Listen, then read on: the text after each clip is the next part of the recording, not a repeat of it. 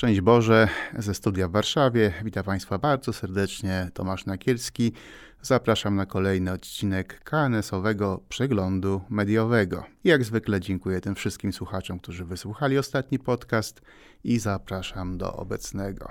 Dzisiaj będzie mniej KNS-u w wydaniu akademickim, naukowym, ale zaproponuję do lektury artykuły, które dotykają ważnych dziedzin współczesnego życia, komentując je w kontekście bardzo szeroko rozumianego społecznego nauczania Kościoła. Pozwólcie, drodzy słuchacze, że e, rozpocznę od zaproponowania do lektury najnowszego wydania kwartalnika Społeczeństwo. Jak zwykle staram się wykorzystywać łamy e, kwartalnika Civitas Christiana i fale Radia Civitas, by tego dokonywać, by promować e, tenże kwartalnik. Tytuł nowego numeru Dlaczego wojna nie lubi pokoju? Pozornie może wydać się e, ten tytuł banalny, jednak czytelnik, który sięgnie po periodyk, szybko zorientuje się, że nie chodzi o takie najprostsze, słownikowe znaczenie słów wojna i pokój. Natomiast te terminy użyte są w znacznie głębszym, takim, można powiedzieć, metafizycznym znaczeniu. Przekierowują naszą refleksję na odwieczną konfrontację dobra ze złem, ale oczywiście nie oznacza to, że punktem wyjścia do rozważań w wielu artykułach nie są działania wojenne na Ukrainie.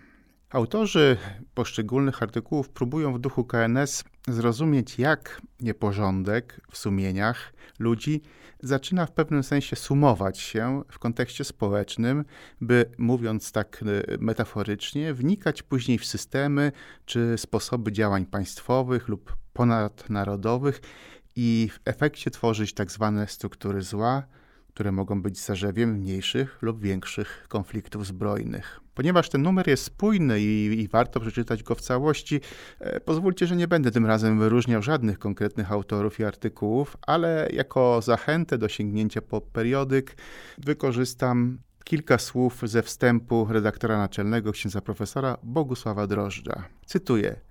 Pokój społeczny jest owocem uszanowania godności każdego człowieka oraz przestrzegania jego fundamentalnych praw z prawem do życia jako pierwszym. Wojna jest zdziczałym owocem, pisze ksiądz profesor, braku szacunku do innych ludzi, łamaniem praw, w tym prawa do życia nienarodzonych. Wojna zaczyna się od wmówienia matce, że dziecko jest pod jej sercem, jest jej wrogiem. Hańba, niewyobrażalnie cyniczny atrybut cywilizacji śmierci. Człowiek dobry wie, że prowadzi walkę ze swoimi słabościami i pożądaniami, z egoizmem. Człowiek zły wywleka swoje wewnętrzne piekło i sączy je w życie najbliższych i całych społeczności.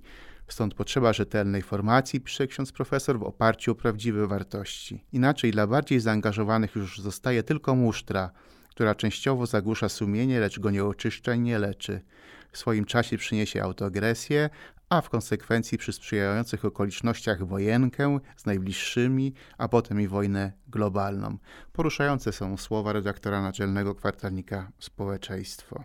Szanowni słuchacze, Zostając na moment w tematyce wojennej, zwracam uwagę na jeszcze jeden artykuł, tym razem z portalu wszystko co najważniejsze.pl. Autorem jest profesor Witold Pokruszyński, profesor zwyczajny, autor publikacji z zakresu obrony powietrznej, bezpieczeństwa narodowego i międzynarodowego, w tym publicznego, długoletni nauczyciel akademicki Akademii Sztabu Generalnego i Akademii Obrony Narodowej i członek Instytutu Biogra Biograficznego w Cambridge. Mówię o, o, tych wszystkich e, tytułach nie bez kozery, dlatego że no, jest to rzeczywiście znawca tematu, a tekst, który napisał, jest tekstem poruszającym i w pewnym sensie przerażającym. Warto się z nim zaznajomić w odniesieniu do pewnych jałowych dyskusji, które toczą się wokół wojny. Otóż, e, kiedy opadł nieco kurz po rozpoczęciu agresji Rosji na Ukrainę, pojawiają się w Europie różnego rodzaju dywagacje. A to niektórzy ekonomiści zastanawiają się, czy szerszy, nawet globalny konflikt nie wpłynąłby ożywczo na gospodarkę światową,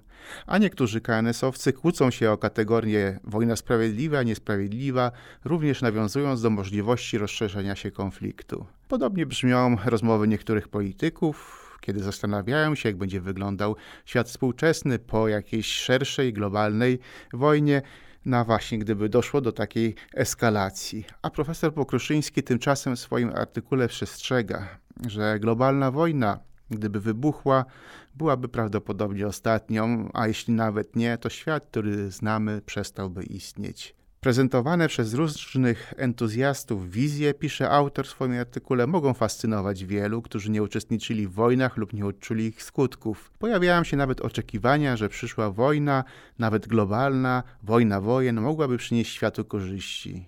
Uważam, że takie poglądy są pozbawione podstaw logicznego rozumowania, nieodpowiedzialne, niebezpieczne, a wobec ludzkości wręcz przestępcze. Wojnach XXI wieku takiej, takiej sytuacji z pewnością nie będzie, gdyż w nowoczesnych konfliktach po prostu nie będzie zwycięzców, lecz jedynie ofiary, pisze pan profesor Pokruszyński, a chwilę potem dodaje złowieszczo, w moim skromnym przekonaniu, jako badacza współczesnego bezpieczeństwa międzynarodowego i strategii wojskowej, wygląda to bardzo ponuro, ponieważ ginąć będą całe narody, straty ludzkie będą liczone w setkach milionów, a nawet w miliardach, może dojść do katastrofy w skali całego globu ziemskiego. Pan profesor jest e, realistą oraz osobą związaną z tematyką militarną, a zatem uważa, że daleko idące zbrojenie jest obiektywną koniecznością.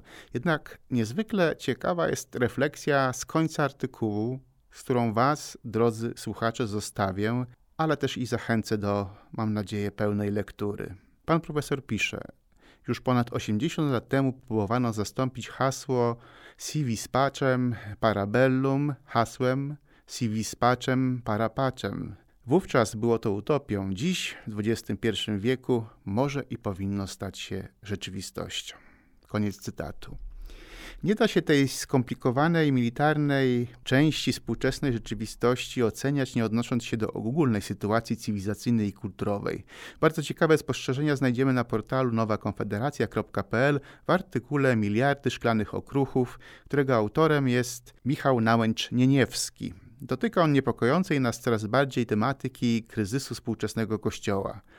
Jest on poddawany analizie w niemal każdym ważnym i opiniotwórczym katolickim periodyku. Często są przywoływane konkretne przejawy i przyczyny, ale stosunkowo rzadko próbuje się dostrzec i zrozumieć mechanizm czy podłoże.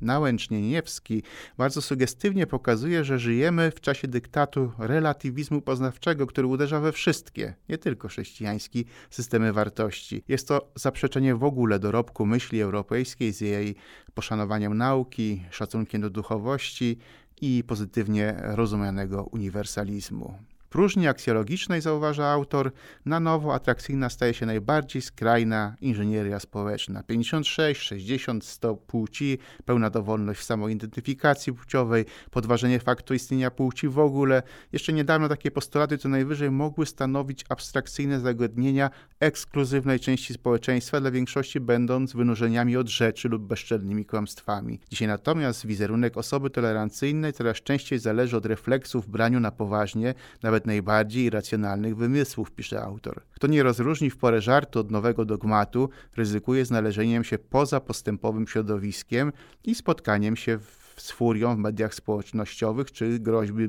groźbami karalnymi. I pisze dalej autor, lobby środowisk LGBT ma coraz większe możliwości presji na świat nauki, który w oczywisty sposób stoi na przeszkodzie w rozwoju postulatów tego ruchu. Wymaga on bowiem przesuwania granic dotychczasowych celów i tworzenia zupełnie nowych po osiągnięciu poprzednich, co wynika choćby z opłacalności finansowej takiej działalności. Niewątpliwie tragiczny jest los, pisze autor, nieświadomych tych wszystkich zależności aktywistów, których wiara w misję dziejową jest wykorzystywana i manipulowana przez polityków oraz wielkie biznesy pornograficzny, farmaceutyczny, aborcyjny. Koniec cytatu. Obraz, przyznacie, drodzy słuchacze, jest dość przytłaczający, ale kto sięgnie po artykuł, zobaczy, że autor nie jest jednak pozbawiony optymizmu i przedstawia pewne propozycje, które dają nadzieję. A zatem zachęcam do lektury całości. I na koniec, pozostańmy jeszcze chwilę w tematyce kwestii cywilizacyjno-kulturowych. W eterze i na łamach mediów katolickich naszego środowiska Civitas Christiana o perturbacjach związanych z podręcznikiem profesora Roszkowskiego mówi redaktor Piotr Sutowicz. Ja natomiast proponuję lekturę krótkiego tekstu odnośnie procedury in vitro, która stała się w cudzysłowie narzędziem do ataków na wybitnego polskiego historyka. Katolicy w Polsce, co pokazują badania, w znacznej części prezentują poglądy niezgodne z nauczaniem Kościoła w tej kwestii, a ci, którzy są zgodni, nie zawsze potrafią potrafią poprawnie argumentować w swoich maleńkich sporkach cywilizacyjno-kulturowych w domach rodzinnych czy zakładach pracy.